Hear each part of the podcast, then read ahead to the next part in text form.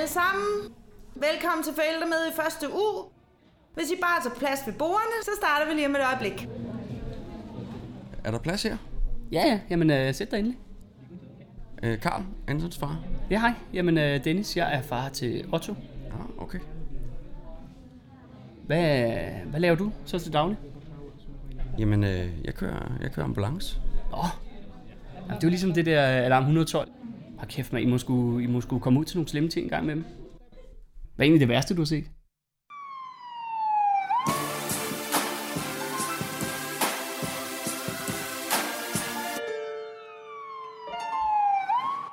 Velkommen til Fomedic Podcast. Jeg hedder Karl Høgh, og velkommen til den her episode, som jeg har valgt at kalde for Hvad er det værste, du har set? Så som redder, så er jeg stødt på det her spørgsmål mange gange i løbet af min karriere. Jeg møder det, når jeg er til fest, når jeg snakker med min familie, eller når jeg er til fodbold med ungerne, eller bare når jeg er på arbejde i min ambulance. Og jeg har egentlig altid tænkt, at det er et spøjst spørgsmål at stille til en, man ikke rigtig kender. Ikke desto mindre, så er det et spørgsmål, jeg støder på relativt ofte, når jeg fortæller om mit erhverv. Men ideen til den her podcast, eller den her episode, ja, den begyndte at tage form i mit hoved efter et forældremøde med et hændelsesforløb meget lige det, vi lige har hørt her.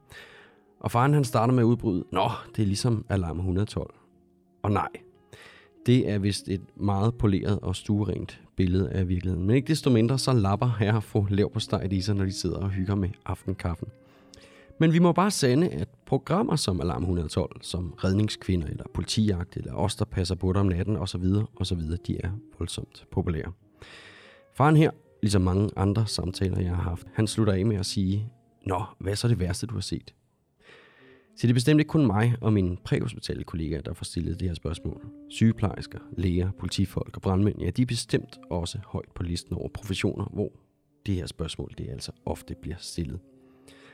I den her episode, der har jeg sat mig for at undersøge, hvad det er, der foregår i menneskers hjerne, når vi stiller spørgsmål som det her. Hvad er det, der gør, at vi oplever kiggekø på motorvejen og stopper op ved synet af blå blink og ulykker?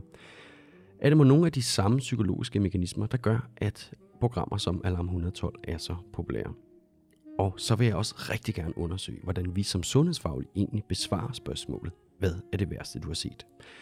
Hvad er det for nogle psykologiske mekanismer, vi gør brug af, når vi svarer? Og er der mund en sammenhæng mellem de her tv-programmers popularitet og årsagen til, at folk spørger os om, hvad er det værste, du har set?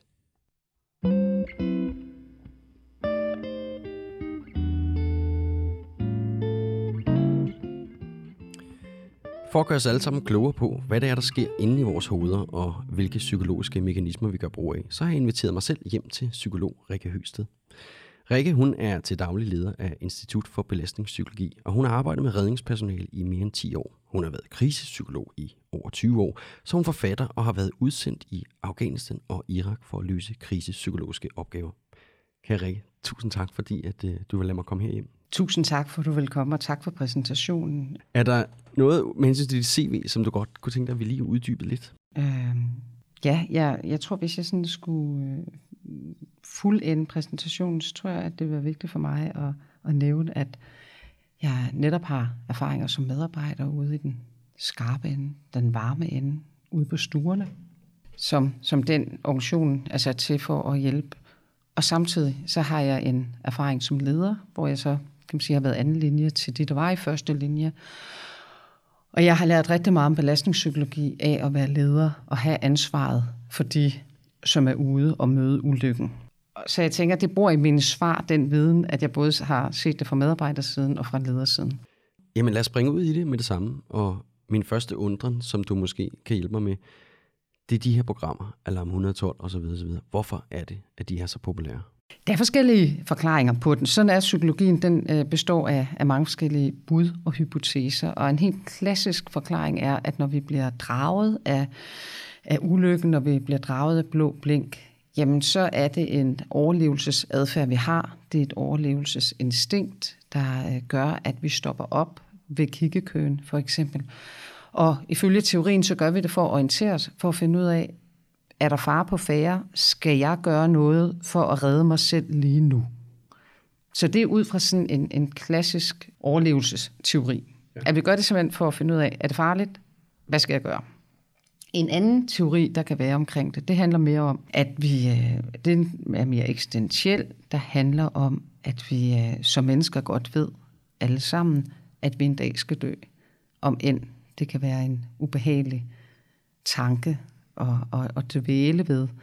Øh, men, men vi ved det jo godt, og kvæg, at vi godt ved, det kommer til at ske en dag, og det skal vi ligesom håndtere, og, og folk omkring os, som vi elsker, kommer også til at dø en dag, så vil andre kunne forklare det med sådan en eksistentiel nysgerrighed, at vi ligesom bliver draget hen mod døden, for at lære den lidt bedre at kende, for at forberede os på selv, at en dag kommer, hvor vi mister vores kære, og basalt set også os selv, om vi ikke lige er der den dag. Endelig så er der en øh, tredje skole, om man vil, inden for psykologien, og de peger på, at, øh, at øh, når vi bliver draget af det farlige, af, af ulykken, af tragedien, jamen så handler det om, at det repræsenterer forskellige sider af os selv.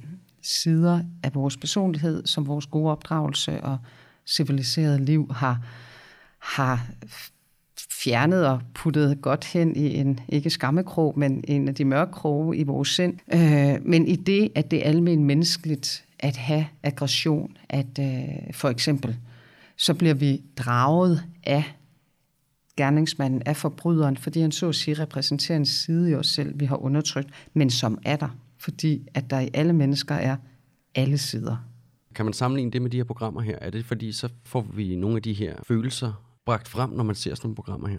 Ja, og når man så får sådan en, en flink mand som dig, som, som sidemand til et forældremøde, så øjner vi chancen for at, at komme i kontakt med noget, der er rigtig, rigtig vigtigt i livet. Og det er, kan man sige, det at vi er i live, at vi ikke er døde, om man vil. Øh, så, så vi fristes til at bruge momentet til at få noget intensitet ind og, og få mulighed for at forholde os til øh, noget, vi basalt set tænker er rigtig, rigtig vigtigt, hvilket det også er, også når det kommer til den første teori, overlevelsesteorien, så vil det da være smart, hvis det er, at man, før man en dag man var på den, ligesom havde hørt noget, som gjorde, ville tjene til en form for forberedelse, så man vil øge sine chancer for at handle hensigtsmæssigt i den situation. Det næste, jeg rigtig gerne vil snakke med dig om, Rikke, det er den del, der handler om, hvordan vi som sundhedsfaglige besvarer et spørgsmål som, hvad er det værste, du har set?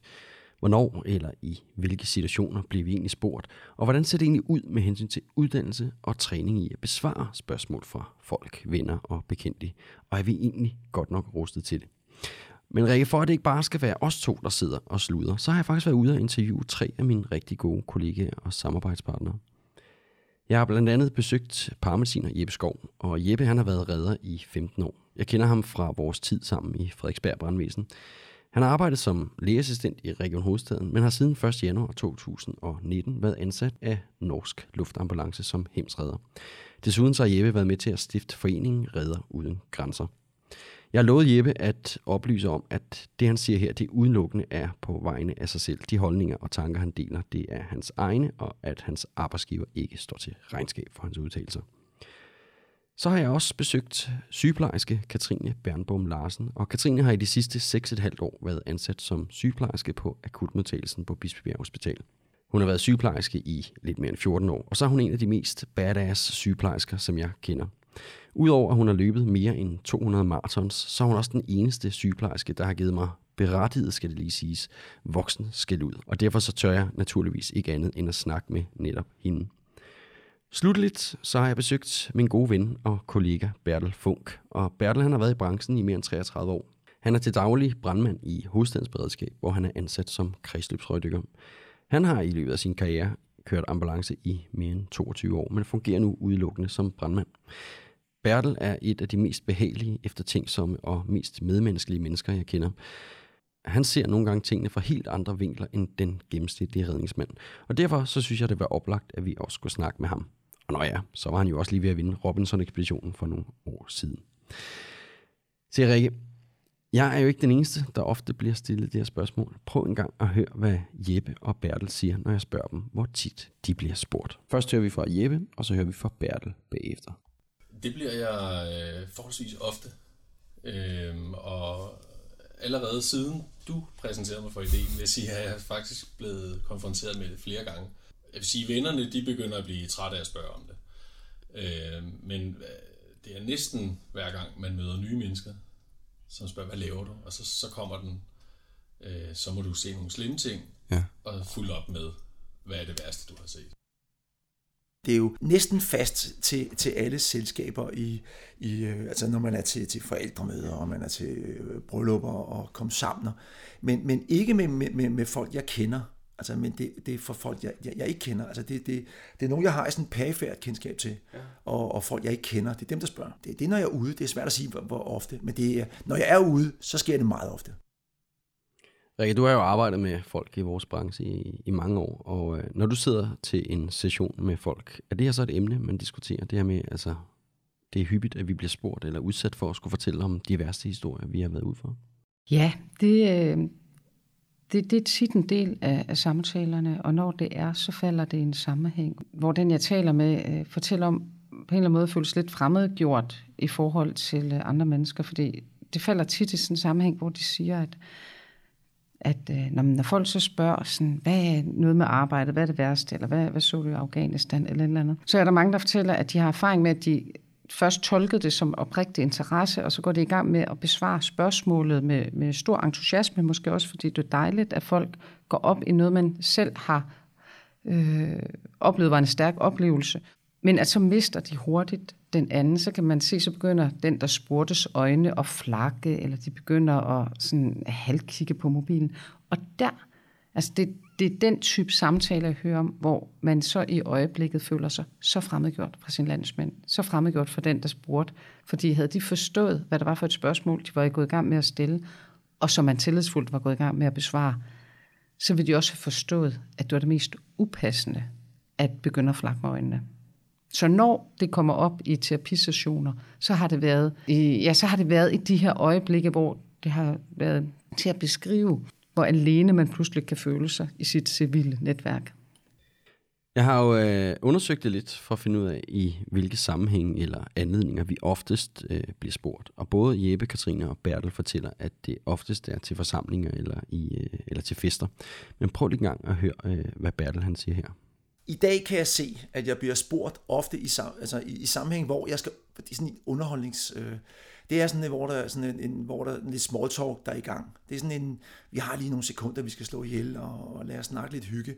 Det kunne være vejret, vi kunne snakke om, men, men det kunne, så bliver det ofte interessant, når man hører, at der er en brandmand, fordi så kan man lige, eller en ambulancemand, så kan man lige spørge lidt til sådan noget. Sådan, det, det koster ikke noget at spørge. Altså det, det er ligesom om, at det gør man bare. Så spørger man lige, Nå, ej, hvor interessant, fortæl noget, underhold mig. Har han ret i, at det ikke koster noget? For jeg tænker, altså der er jo ret stor forskel på den pris, man betaler, hvis man er modtager, eller hvis man er personen, der skal fortælle øh, historien. Han har fuldstændig ret i, at det koster noget. Og øh, noget af det, det koster, det er jo i første omgang skal tage stilling til, om man overhovedet vil besvare spørgsmålet. Og på den måde, så risikerer man, så kan det koste det at være uhøflig, fordi man måske kommer frem til at vil stille spørgsmålstegn ved, hvorvidt det overhovedet er et passende spørgsmål og udfylde et par minutter med, hvor den anden lige ønsker hygge, gyse, lette. Så det koster noget øh, i forhold til de sociale spilleregler, at man risikerer at skulle på en eller anden måde bryde den hyggelige stemning og konfrontere den anden med, at de har stillet et upassende spørgsmål. Det er en konto, det koster på. Det kan også koste på den konto, at hvis man går i gang med at svare, så bliver man jo selv erindret om den oplevelse, man havde. Og det er i sagens natur en, øh, en svær, stærk, smertefuld, tragisk oplevelse. Det er jo det, man er blevet spurgt til. Så hvis man svarer ærligt, så bliver man samtidig bedt om at erindre en virkelig tragisk, hård eller skræmmende sag. Og det koster noget at skulle begynde at tænke på det igen. Endelig så kan det også koste på den etiske konto, at man har en form for, eller moralsk, at man kan da føle af, at et er vores tavshedspligt, sådan en juridisk tavshedspligt, øh, og den kan man jo godt, hvis man blander en sag, så kan man jo godt tale om sit arbejde, uden at de personer, der er involveret, eller det uheld, man var involveret i, den brand, man var involveret i, overhovedet behøver at blive genkendt. Vi kan jo godt alle sammen sammensætte nogle historier, der blænder så meget, at vores juridiske tavshedspligt ikke øh, anfægtes. Men, men, men vi har alle, tænker jeg, fagpersoner, der arbejder med det her, har samtidig, hvad man kunne kalde en form for etisk eller moralsk tavshedspligt, som mere handler om, jamen de her mennesker, som ved Gud lagde liv, altså har lagt liv til det, for hvem det her er deres genbarlige virkelighed, og ikke en god historie, jamen dem kan jeg næsten føle, at jeg kommer til at krænke eller behandle uværdigt, hvis jeg gør deres helt konkrete livs værste tragedie til noget, jeg står og sådan lidt hyggegyser med nogen omkring. Så man kan også som fagperson have sådan en, en moralsk oplevelse. Øh, eller kan man sige, det kan komme til at koste på et moralske konto, hvis vi kommer til at, at øh, fortælle om noget på arbejdet, som vi så finder ud af, der ikke, ikke var ind i et moralsk øh, værdigt rum, om man vil. Jeg kunne egentlig godt tænke mig at, øh, at høre, hvad tror du, eller ved du måske endda, hvad folk de forventer af svar, når de spørger os om det her?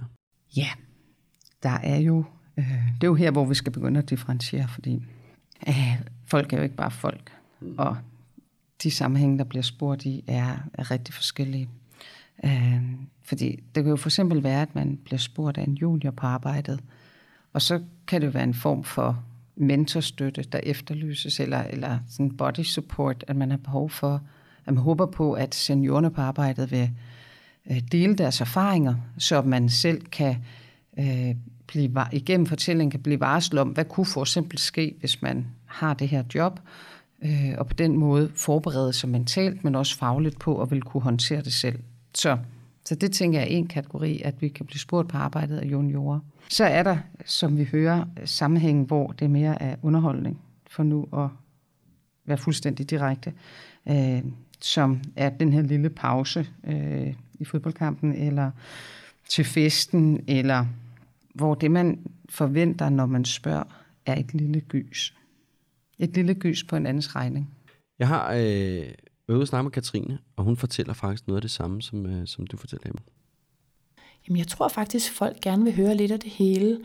Og jeg tror måske naivt også, at det er for at forstå, hvad er det, vi render og laver. Ja. Fordi det kan nogle gange komme bag på mig, hvad vi faktisk står med på 8 timer en vagt. Ikke? Ja. Hvis vi skal starte ved de festlige lejligheder, så tror jeg, at øh, folk forventer, at jeg lige kan underholde lidt med arme og ben skilt fra kroppen, eller forskellige genstande i kropsåbninger. I forhold til nysgerrigheden og interessen for mit arbejde, så tænker jeg, at lige så vel som vi vil spørge folk, hvad arbejder du med, så bliver vi spurgt. Øhm, hvis jeg skal tænke sådan rent kollegialt, så tror jeg, at det er for at få et indblik i, hvad er det, man kan forvente i en akutmodtagelse, særligt for de nye unge kollegaer måske.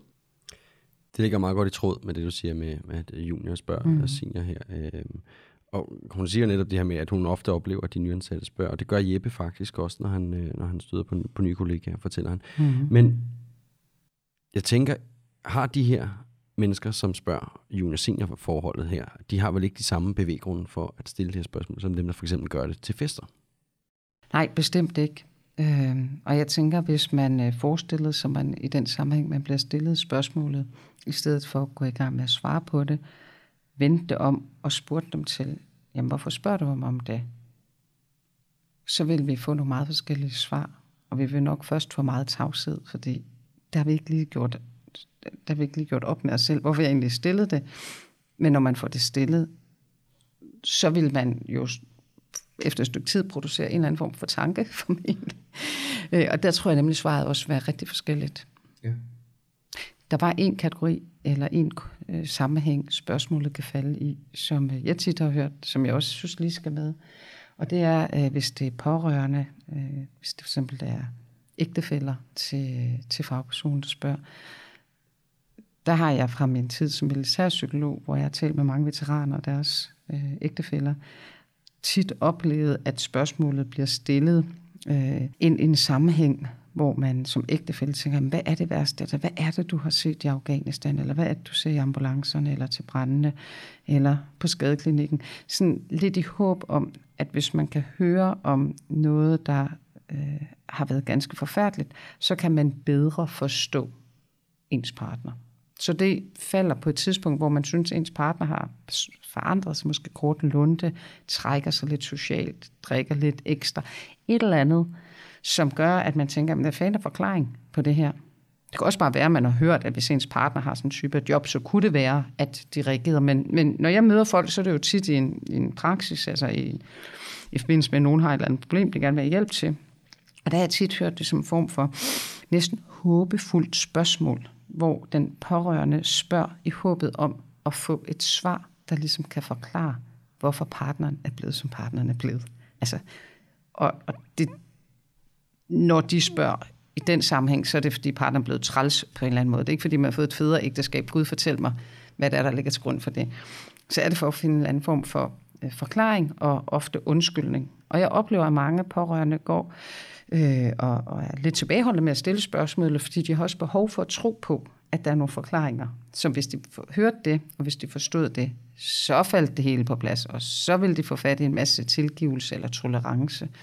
Så der er også, der er sådan, tænker jeg, nogle gange et spørgsmål, der kan dække over sådan lidt håbet om nogle magiske sten, der vil kunne redde et måske truet ægteskab.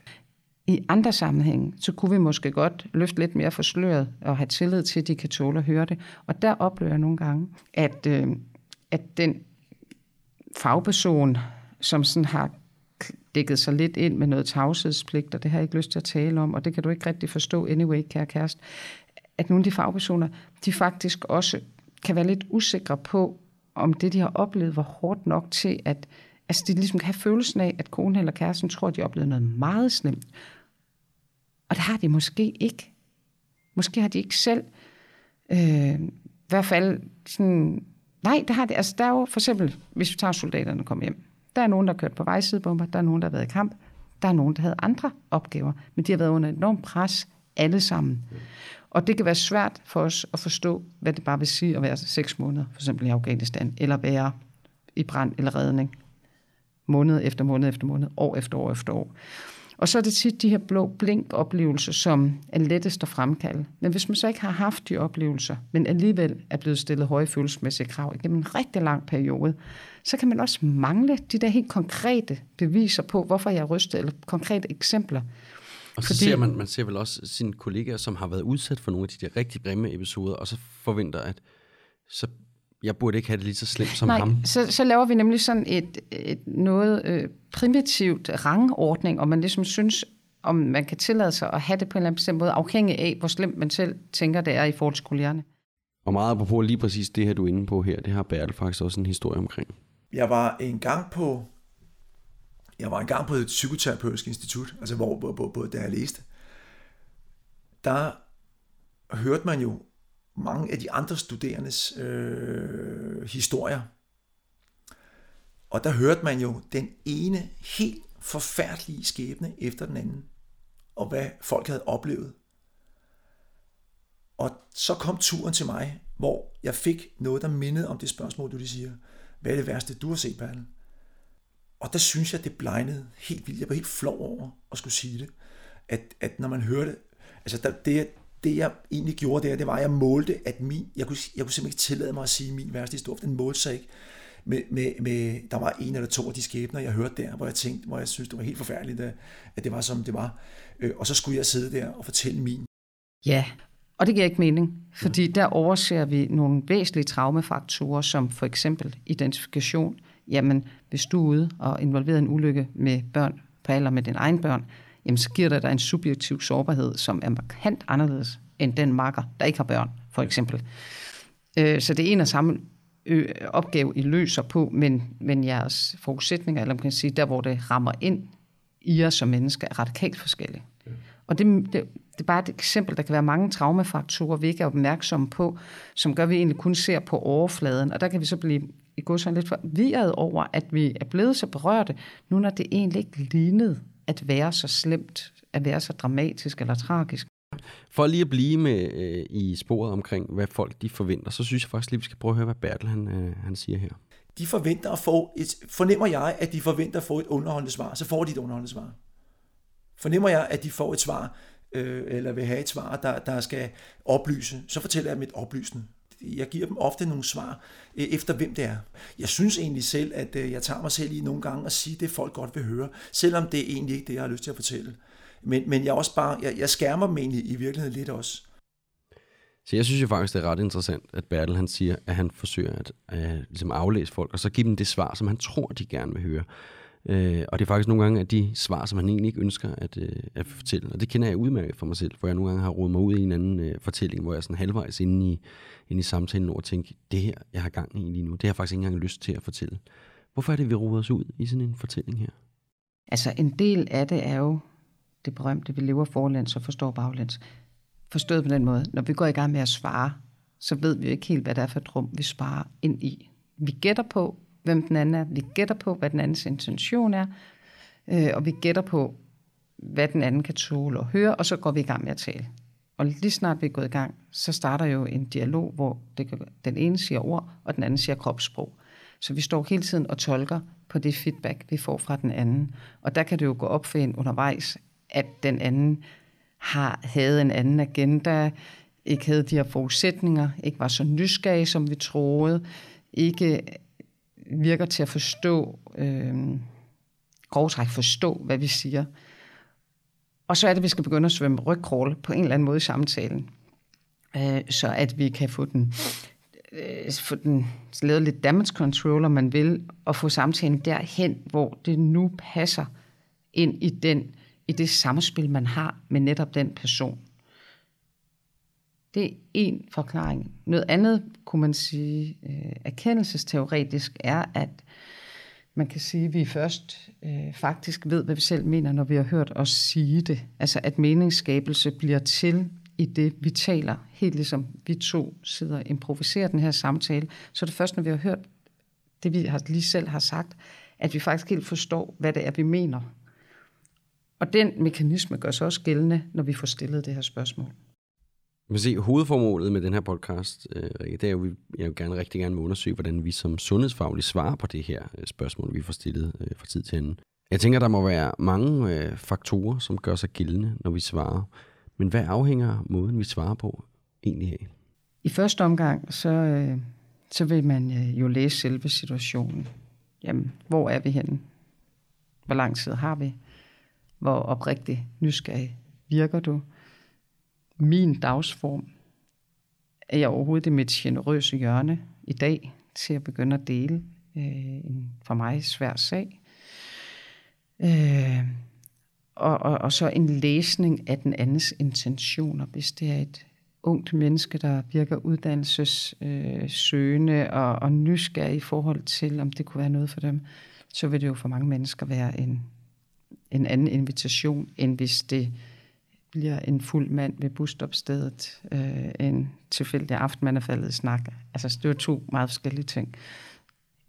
Det kan også have betydning, øh, øh, det her med, at det jo, det er jo nogle øh, heltehistorier, man vil kunne fortælle. Altså, når folk spørger, så er det forventning til, at man har oplevet noget hårdt.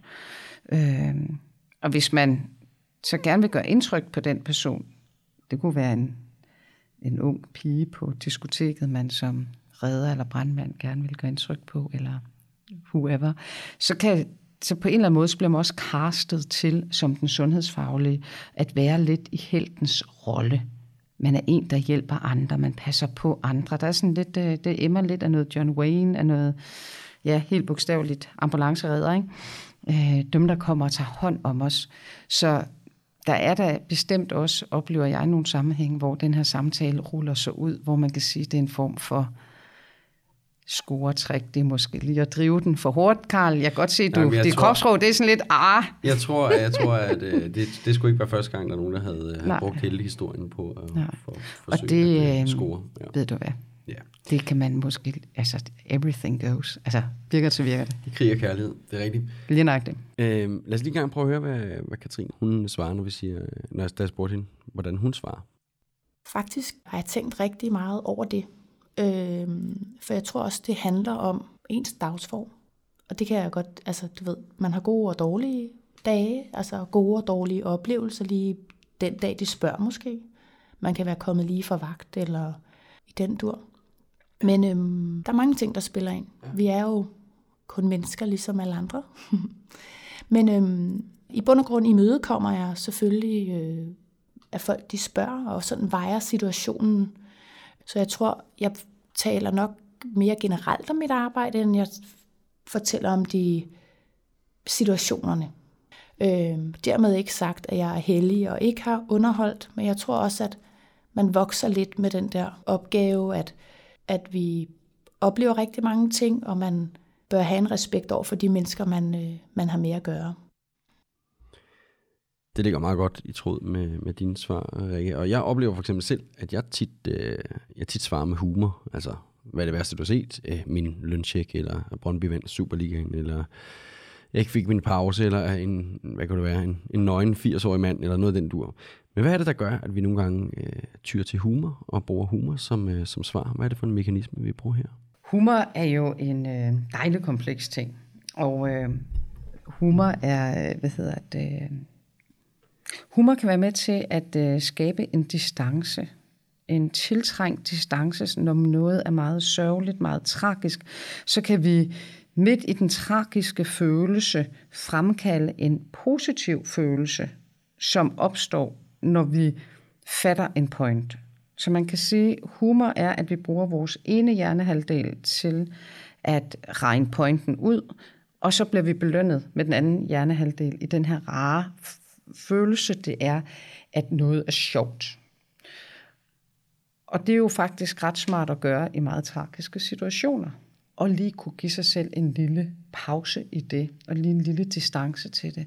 Så, så humor generelt, kan man sige, kan vi bruge til at håndtere øh, smertefulde erfaringer og smertefulde oplevelser, vi sådan lige at få sådan en lille mundfuld luft, hvor vi sådan lige et kort øjeblik trækker os fra tragedien.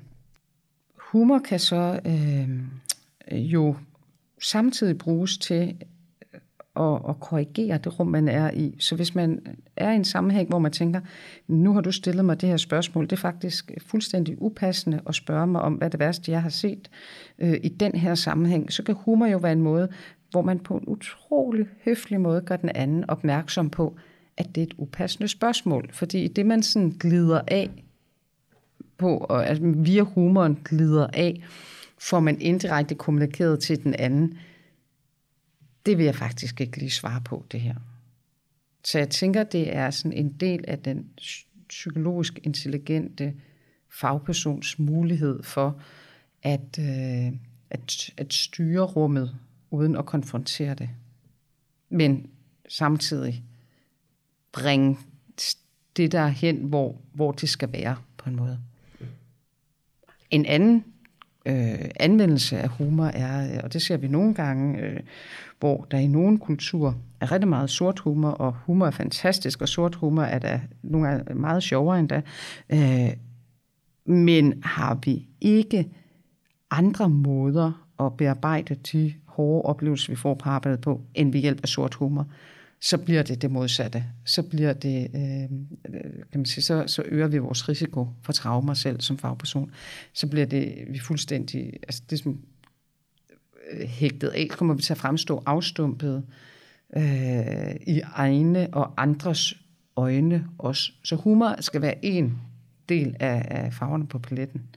Og nogen bruger humor til hård distancering, fordi de slet ikke bære og mærke de følelser, der er forbundet med tragedien. Og så bliver det en forsvarsmekanisme på den dårlige måde, hvor det afskæres fra at være i kontakt med det, der faktisk sker. Du har aldrig svaret med humor? Jo, det, det tror jeg da også, jeg har gjort. Altså, på den måde afmontere det. Er du nogensinde blevet vred? Nej. Og, og nogen, der har spurgt? Nej, det tror jeg aldrig nogensinde, jeg er blevet. Nej. Fordi jeg ved også, det kommer jo også, det kommer også af en nysgerrighed og en oprigtig interesse i, hvad det er, man laver og uvidenhed omkring, hvad det er, man laver måske. Så ja. nej, jeg er aldrig blevet vred. Jeg har faktisk, øh, modsat Jeppe, faktisk været i nogle situationer, hvor jeg er blevet vred over, øh, over at blive spurgt. Prøv, og prøv en gang at høre, hvordan øh, Bertel han også han fortæller her. Du er aldrig blevet vred, hvis nogen har spurgt dig, hvad det værste, du vil sige? Jo. Jeg går, jeg går godt blive irriteret på, på mennesker, der spørger mig, hvis jeg... Øh, hvis jeg virkelig kan mærke, at, at, øh, at nu er jeg underholdningspapegøjen, altså de, tiden skal bare slås ihjel, og så sidder der sådan en eller anden øh, smart øh, person, det kan være en dame, en mand, øh, overfor, og skal sidde og underholde ved at sige, Nå, brandmand, kan du ikke komme med et eller andet, øh, hvad er det værste, du har set, agtigt, ikke? Det han egentlig spørger mig om, eller hun spørger mig om, det er, at øh, hvad gør dig ked af det? Hun spørger mig dybt ind til mine følelser, altså hvad, hvad der rører i mig. Øh, altså hvis jeg gik ind og spurgte lægen, hvordan har du det med, at du ikke fik genoplevet, og, og hvordan har, altså hvis jeg spurgte tilsvarende til folk, hvordan har du det med at gøre det noget, som gør dig rigtig ked af det? Altså der bliver sådan lidt nogle gange lidt irriteret over, at, at, øh, at de bare forventer, at man sidder og, og underholder øh, med, med sådan nogle ting. Hvis man tager i ordet, hvad er det værste, du har set, så er det værste, jeg har set, det er jo værst for mig, fordi det rører i mig. Det vil sige, det er noget, jeg blotter mig big time. Så det, de spørger mig om, det er, de kunne lige så godt sige, hej brandmand, øh, blot dig lige fuldstændig og fortæl, hvad der har gjort dig allermest ked af det, og hvad der gjorde, at du egentlig er blevet skilt fire gange og begyndt at drikke. Har han ikke fuldstændig ret i det, han siger her? Jeg tænker, er det ikke en virkelig legal følelse at blive vred over at blive spurgt ind til din karrieres værste dag, som indeholder et andet menneskes allerstørste tragedie, hvis det er bare for underholdnings skyld? Det er fuldstændig normalt. Om det er i orden eller ej, det er sådan en sjov ting, vi har, at vi spørger ligesom, om nogen følelser jo nej, følelser er følelser. De er der, de kommer. Øh, uh, you better face them, for så kan du arbejde med dem, så kan du de har en vigtig besked til dig, så kan du vælge at handle på baggrund af dem, eller netop lade være med at handle på baggrund af dem, fordi du har erkendt jer der. Øh, så, jeg, så jeg tror, jeg vil svare sådan, det er fuldstændig normalt at blive vred, når man bliver krænket. Og det kan man sige, det er det, der vrede ligger i, at man oplever, at nogen opfører sig upassende, krænkende over for en. Skal jeg så alligevel svare på, om det er legitimt eller ej? Så i min bog, ja, så er det da fuldstændig legitimt. Øh, og helt naturlig følelse at få, hvis man oplever, at det er øh, tankeløshed. Jeg forstår godt, når Jeppe siger, at jamen, altså folk er jo nysgerrige, og øh, på den gode dag er jeg sikker på, at vi alle sammen har den overbærenhed med os over for mennesker generelt, der kommer til at på den gode dag gøre nogle lidt tankeløse ting. Der har vi overskud til at, at se den gode intention i det. Øh, men er vi selv en smule presset, eller tager vi bog, spørgsmålet meget bogstaveligt, så har Bertel jo fuldstændig ret i, at det er et ganske grænseoverskridende spørgsmål at stille et andet menneske. Og det vil kunne kalde på vreden. Jeg tror du, folk forventer, fordi vi har det her job, og så ser vi dagligt en masse ubehagelige ting, at så folk de tænker, det, det er okay at ruske op i det her, eller tror du slet ikke, de tænker, tænker så langt? De tænker slet ikke så langt. De tænker ikke, de rusker op i noget. De tænker, at de er stærke. Ja. Så de tænker, jeg spørger en person, der er stærk, fordi den i spørgerens bog, så det arbejde, man har som sundhedsfaglig i de her fag. Når de overhovedet kan producere spørgsmål, hvad det værste, du har set, så har de en teori om, at der sker slemme ting på den andens arbejde. Og når man stiller spørgsmål, så fordi man regner med, at den anden har kunne holde til det, øh, at den anden er en stærk person, som er mentalt nok i balance til det, og de vil blive ganske forskrækket, hvis det er, at fagpersonen bryder grædende sammen, eller hisser så meget op, øh, når spørgsmålet bliver stillet. For det er sagt i tillid til, du er en af de stærke. Og deri er der en lidt barns forestilling om, at nogle mennesker kan bare holde til de her fag. Det er sådan nogle helt specielle supermands støbninger, som øh, også er der til at redde mig en dag, hvis det er, jeg får brug for at blive reddet. Så det er sådan en behov for at se den anden styrke og ikke sårbarhed. Har du så et gyldent svar, som vi kan bruge ved alle lejligheder, når vi bliver spurgt om det her? Ja, jeg fristes til at sige, ja, det har jeg. Og det kunne lyde øh, på, med den, den høfligste stemme, man egentlig har, at øh, sige, øh, ej, tak for at du spørger, det er dejligt, du er interesseret i mit øh, arbejde. Men for at jeg kan svare ordentligt, så skal jeg lige høre, hvorfor er det, du har stillet mig spørgsmålet, hvad du gerne vil høre om? Så mit bedste svar vil være at begynde med et modspørgsmål, der konkretiserer og konfronterer den anden med, hvad det er, de lige har spurgt om. Tak for det, Rikke. Se, jeg har jo spurgt de her tre, Jeppe, Katrine og Bertel, om de kunne lave en for dem top 3 over den værste type hændelser. Og jeg kunne faktisk godt tænke mig, at vi hørte dem alle sammen, og vi starter lige med at høre Jeppe. En top 3 vil være øh, hændelser, der er uretfærdige. Ikke specifikke, men det kan være, du ved, spritbilligstrab, eller et eller andet familietragedie, Greno, eller hvis man siger ulykkelige uh, tragedier, som pludselig indtræffer, ja. øh, hvor alle er mærket af det ude på skadestedet. Det synes jeg, øh, selvom det kan være fagligt spændende og udfordrende, så kan der også være sådan nogen, der niver. Og så kan det være de overlagte ting, Og så tror jeg faktisk, min øh, altså nummer et, det der har påvirket mig mest igennem tiden af ture, øh, det tror jeg simpelthen er, er omsorgssvigt af børn. Altså Ja. hændelser, og det behøver ikke nødvendigvis at være voldsomme tragedier. Men det kan bare være hændelser eller episoder eller sociale ture, du også kommer ud til, hvor der er en eller anden form for omsorgssvigt af børn. Og det rammer bare. Og især når man også selv er forældre. Det tror jeg nu er det. Altså det er sådan mine tre værste kategorier egentlig. Jeg er jo rigtig ked af, Karl, at du kun siger tre. Ja. Fordi jeg synes jo, der er rigtig mange flere. Ja. Øhm, og jo, jeg har prøvet at line dem lidt op. Mm. Øhm, de alvorligt syge unge mennesker, som man kan identificere sig med, synes jeg er, er rigtig svære. Så har vi de aggressive, psykotiske patienter, man står med. Den uventede død kan også være rigtig svær. Og mange vil nok tænke, at jeg ikke nævner børn som nummer et, men vi er så heldige på Bispebjerg akutmodtagelse, at vi ikke får de dårlige børn.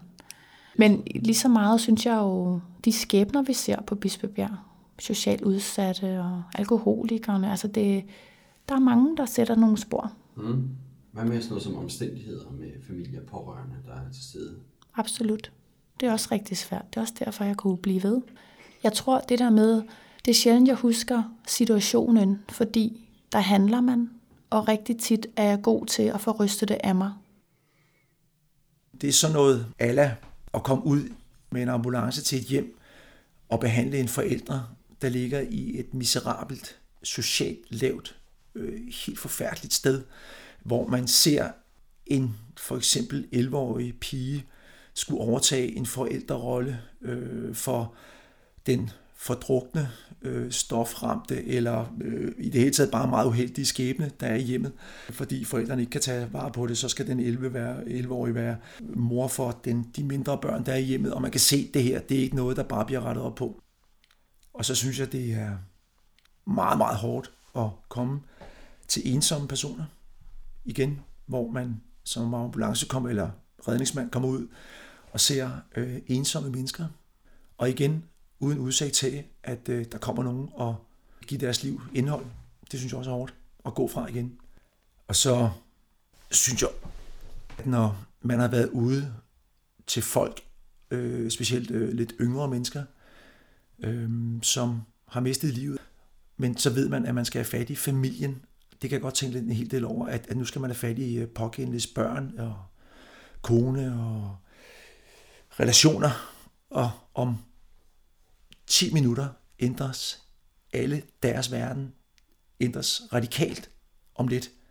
Jeg ved det, jeg sidder og kigger på personen, der er død, men jeg ved, at om 10 minutter, så ændres øh, en, livet for en masse andre mennesker. Er der en øh, form for fællesnævner her, og er det også noget af det, du oplever øh, i dit daglige virke som psykolog? Ja, det er det. Øh, det er jo mange ting, de alt kommer ind på, men, men de er enige om, øh, eller, men det går igen det her med, at når der er børn involveret, og Katrine øh, er eksplicit på at sige, disse heldige på hendes afdeling, ikke at have de alvorlige syge børn, øh, men børn går igen i, i samtlige tre beskrivelser, og det, øh, øh, Øh, det er helt klassisk, og det er også det, al forskning viser. Så på den måde er det, kan man sige, tre fagpersoner her, som, øh, som fuldstændig øh, er gennemsnitlige. Børn gør indtryk. Det rører ved vores beskyttertrang. Øh, og den bliver så, øh, hvad hedder det, af, af både Jeppe og Bertel og Katrine på sin egen måde kommer også ind på det med skæbnerne, at når det er de, de sociale ture, som Jeppe siger, og, og som Bertel også er inde på. Så kombinationen af den sociale tur, der så også involverer børn, og, og dermed et omsorgssvigt, øh, er helt klassisk. Og det, det glemmer vi måske nogle gange, når vi spørger, fordi vi tror, at det er de afrevne ben og arme, der, der gør størst indtryk. Så er der det her, flere af dem også inde på, at hvis man kan identificere sig, hvis der er en eller anden lighed mellem en selv og, og, og offrene, så vil det også naturligt gøre mere indtryk, og det er også helt klassisk. Og endelig øh, er der flere, der, eller to af dem inde på det her med, at det pludselig indtræffer, eller det er uventet død. Altså det her, det ikke er varslet. Og det er også en, en klassisk traumafaktor, at hvis det ikke er varslet, det der sker, så, øh, så går det simpelthen, øh, så gør det et større indtryk. Så, gør det, så går det mere lige ind. Det er ligesom vi, så har vi ikke den stødpude-effekt, som varsling ellers kan give os. Øh, så det er, tænker jeg, helt klassiske øh, forløb eller hændelser, det der fortæller om. Når vi så skal have bearbejdet de her hændelser øh, som sundhedsfagligt personale, og skal have bearbejdet de her hændelser, som virkelig sætter sig i os, hvor, øh, hvor går vi så typisk hen, eller hvem går vi typisk til? Altså nu er alle de tre fag, som, vores, som dine gæster har, øh, kommer fra tradi- traditionelle højrisikofag. Og der øh, kom, kommer man ind i en kultur, hvor man i generationer har gjort sig erfaringer med at håndtere tragedier på forskellige vis. Så helt automatisk, når vi går på arbejde, så går vi ind i et rum af tavsviden af nogle mennesker, der også godt ved, hvordan det her er. En forforståelse af, at selvfølgelig bliver vi påvirket. Det er forskelligt fra kultur til kultur, hvordan man taler om det, og hvor meget man taler om det. Men der er en kollegial spirit af, vi ved godt, at det her kan nive, eller gå i rødderne, de forskellige sproglige vendinger, vi bruger for det. Rigtig mange øh, bruger kollegerne, øh, og det er også det, man lægger op til i de her fag. Det er også det, alle vil mene var en god idé. Øh, og det er et af de stærkeste steder, vi kan bearbejde hele det med vores ligemænd ude på afdelingen eller ude på stationerne. De, som også har set det ske, ved, hvordan det lugter, hvordan det føles, hvordan det lyder, det vi taler om, eller det vi har oplevet. Det, der kan være øh, bekymrende, er, at noget af den tid, hvor bearbejdning traditionelt har fundet sted, sådan lidt ude i skyllerummet, hvor man som sygeplejerske lige har mulighed for at lige at få en spontan diffusing øh, henover bækkenskyllet, fordi øh, der var lige en kollega, man havde lige mulighed for at fortælle om, hvad man lige havde hørt eller oplevet inde på stuen. Nogle af de små øh, øh, åndehuller øh, er sparet væk. Øh, vi har fået effektiviseret vores processer i en grad, som gør, at, at noget af den tidligere uformelle håndtering er forsvundet. Og det begynder vi så at se konsekvenserne af her nu, når, når den her småheling i hverdagen, eller småbearbejdning i hverdagen ikke finder sted. Noget andet, øh, en anden måde, vi deler på, det er, at mange bruger deres ægtefælder. Jeg var selv involveret i en undersøgelse for nylig, hvor 60 procent af de adspurgte, de talte med deres øh, kolleger. 40 procent af de adspurgte talte med deres ægtefælle eller partner eller deres gode ven. Og 20 procent talte med deres leder. Og det er jo lidt tankevækkende, kan man sige, at vi hellere taler med vores private netværk end vores ledere, som jo formelt er de der, og reelt er de, der har ansvaret for vores psykiske arbejdsmiljø. Og måske også har nogle værktøjer til at hjælpe folk videre, tænker jeg. Lige nok det, ja. Så, så det, men jeg tror faktisk, at den der 60-40-20 vil vise sig at være ret øh, almindeligt øh, normtal for, hvem der vi går til. Okay. Prøv en gang at høre, hvad Jeppe og Katrine siger her. Jeg tror primært, øh, så går jeg til min kollega. Mm. Og øh, til den kollega, som jeg har stået i det med sammen. Det synes for mig, at det er det allervigtigste sted at tage fat, fordi for det første, så er det en, hvis du kan have kollegaen, du står sammen med i scenariet, altså, så kan han relatere fuldstændig til det og forstår dig 100% ud. Det, er, det er primært det, jeg bruger til at bearbejde det med. Jeg bruger mine kollegaer rigtig meget, fordi øh, det er situationerne, dem jeg er tættest på. Det er dem, jeg oplever med, og det er dem, jeg handler med i de situationer. Så jeg er rigtig god til at sige højt, når der er noget, der har været svært. Jeg vil sige, Jeppe og Katrine, de bruger faktisk begge to deres kollegaer, øh, når de skal bearbejde noget. Bertel derimod, han har faktisk et lidt andet syn på det her med at bruge sine øh, kollegaer. Vi har snakket om en gang det her med, at folk, der siger, ej, I må være gode til, I hjælper hinanden, og I kan snakke med jeres kollegaer om det. Nej, det tænker jeg, det synes jeg, det er min helt personlige, og det må måske stå for min egen regning. Men det mener jeg er en af de største klichéer, der findes inden for vores redningsverden.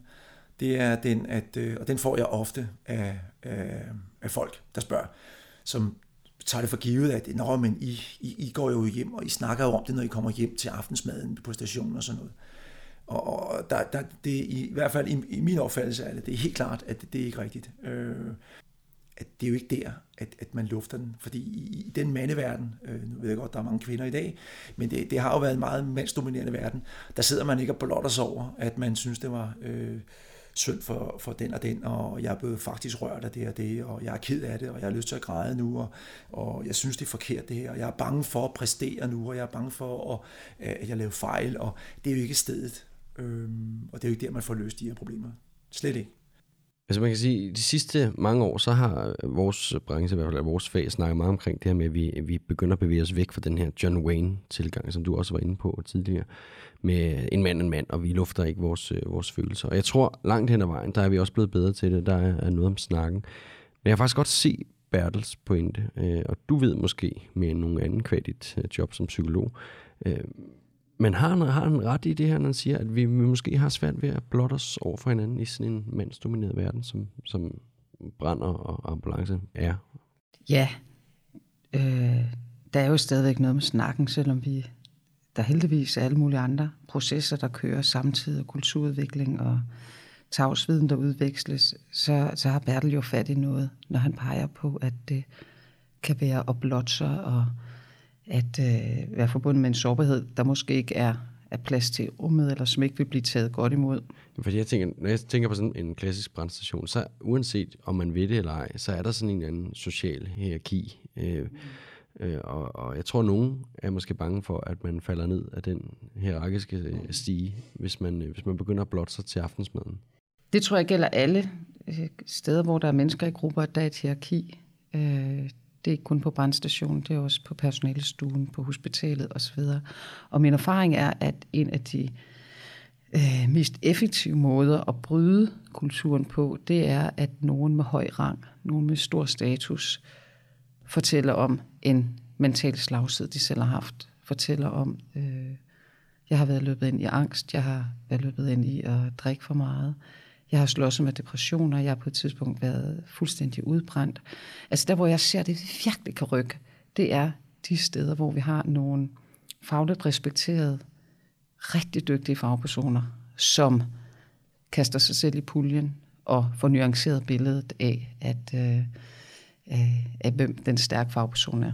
Ja. Så man kan forstå, at, at det, der er den stærke fagperson, er en, der både har en stærk styrke og en stærk sårbarhed. Mm rigtig mange går rundt med en meget svag sårbarhed.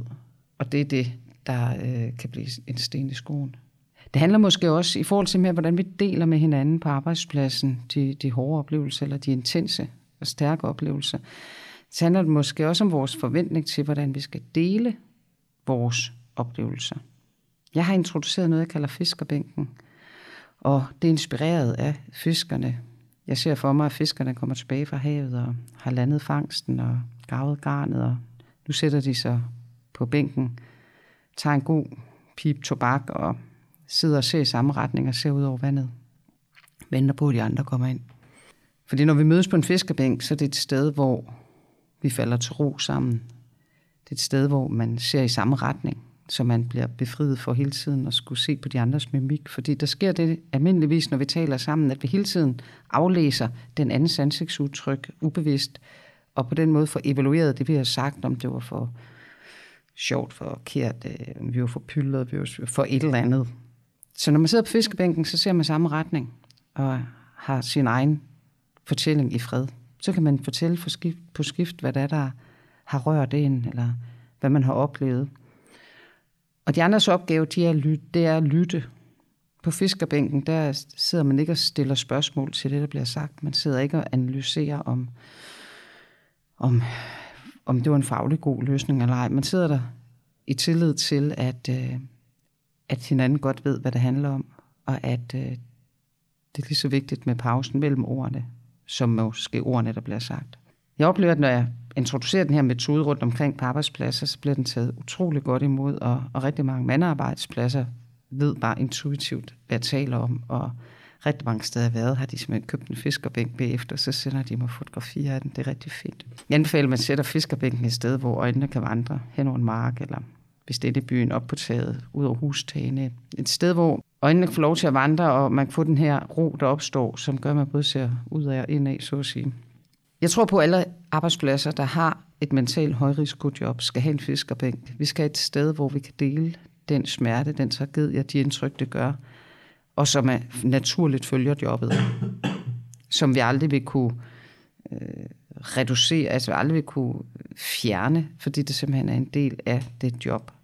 Og på den måde kan vi heller ikke fjerne smerten, og vi kan ikke fjerne forskrækkelsen. Men i det, vi deler det med nogen, som tåler at høre det, vi fortæller, så sker det det magiske, at der kan opstå et fællesskab, som gør, at den, det ubærlige egentlig bliver let at bære sammen.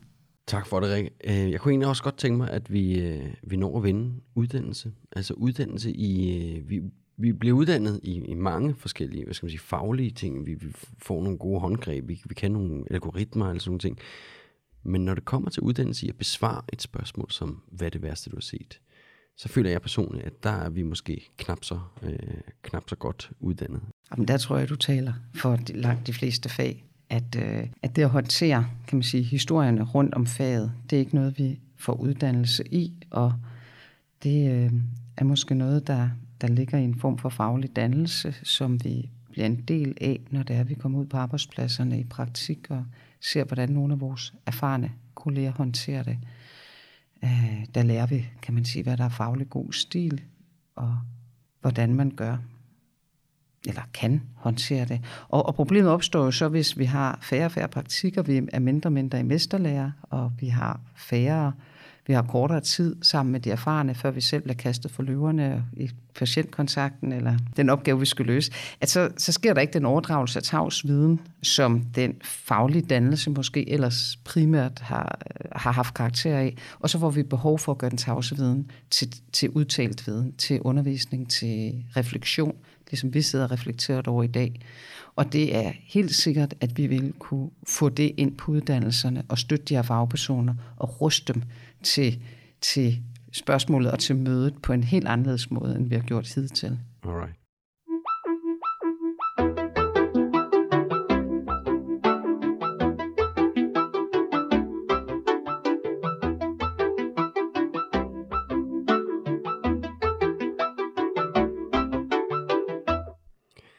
Se, for dem af os, der er gamle nok til at kunne huske dengang, at Danmarks Radio, det var den eneste tv-kanal, der var i øh, fjernsynet, så vækker den her jingle måske nogle minder frem. Fordi vi har nemlig 20-stjålet jinglen for Danmarks Radio, dengang de havde noget, de kaldte for OPS. Og OPS, det stod for oplysning til borgere om samfundet. Og jeg kan faktisk godt tænke mig, at vi øh, afslutter episoden her med en oplysning til alle dem, som ikke kører ambulance, som ikke slukker ildebrænde, eller som ikke plejer syge mennesker på hospitalstuerne. Altså en oplysning til den almindelige dansker. Så kan man sige, at det er måske Gæld Mathias at tænke, at der sidder nogen derude ved højtalerne, som ikke på den ene eller på den anden måde har tilknytning til en af de her faggrupper. Men vi giver det et skud alligevel, og så kan det være, at I måske kan tage det med til de folk, som ikke er blandt de her faggrupper. Fordi hvis vi nu skulle give folk, som ikke er i branchen, et godt råd med på vejen til at stille et spørgsmål, som vi langt hellere vil stilles, end hvad er det værste, du har set, ja, så har Jeppe faktisk et godt bud. Jeg tror godt, jeg kan lige at snakke om, hvad jeg synes, der er givende ved mit arbejde. Hvad er det, jeg synes, der er fedt ved det her? Forvent folks, øh, den der, hvordan kan du holde det ud, og hvordan kan du holde ud og gå i det her?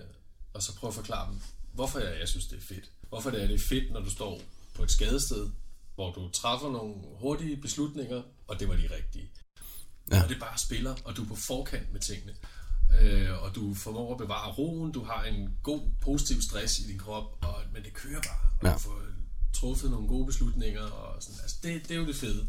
Jeg tænker, det er rigtig genkendeligt, det han siger.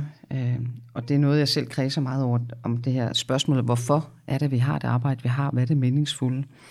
Det er noget, som den østriske læge Viktor Frankl, der sad i korsetlejr under 2. verdenskrig, har lært os noget om. For han kom ud efter nogle år i koncentrationslejren i overraskende god mental stand. Og det var han, øh, fordi at øh, og det satte han sig så ned og formulerede sig om, hvorfor øh, var, havde han egentlig klaret det så godt.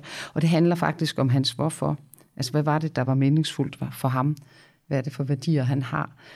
Øh, og hvordan han med den meningsfuldhed dag efter dag efter dag kunne skabe lokal mening i det, han gjorde. Og det er faktisk også det, Jeppe går i gang med at fortælle om. Øh, de skal spørge, hvorfor jeg har jobbet.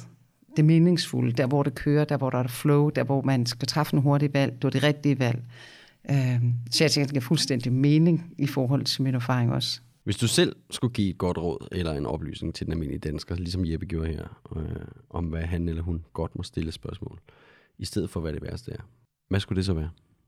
Jamen, så tror jeg, jeg vil... Øh, jeg synes jo, det er dejligt, folk er nysgerrige. Jeg synes, det er dejligt, vi vil hinanden.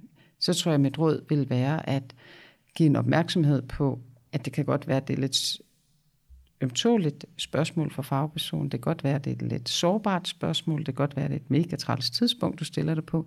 Så start med at indlede, i stedet for at tillade dig at stille spørgsmålet. Hvad er det værste, du har set? Så kunne du sige, hey, jeg ved ikke, om du har lyst til at tale om det, eller sådan, men, men jeg kunne godt blive nysgerrig på, hvad er egentlig noget af det hårde ved jobbet? Kunne du have lyst til at fortælle om det? Og det er altså hele år, hvis du ikke har. Rikke, vi er ved at være øh, ved vejs inde, og øh, der er noget, jeg godt vil, vil indlemme dig i.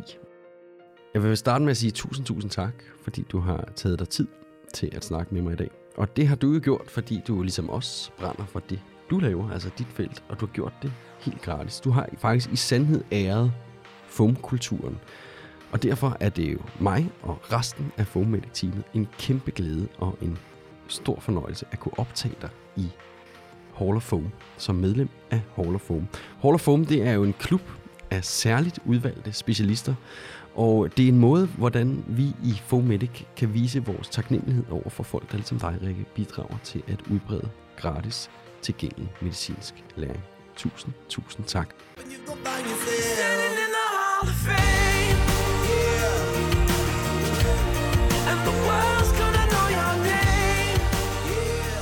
Jeg har faktisk taget en lille gave med til dig. Meget øh, eksklusiv Foam Medic podcast events wow. og blog t-shirt. Ej, og det der sidder og lytter til det her lige nu, ikke kan se, det er, at jeg er blevet præsenteret for en rigtig lækker t-shirt med Fomatic podcast blog and event.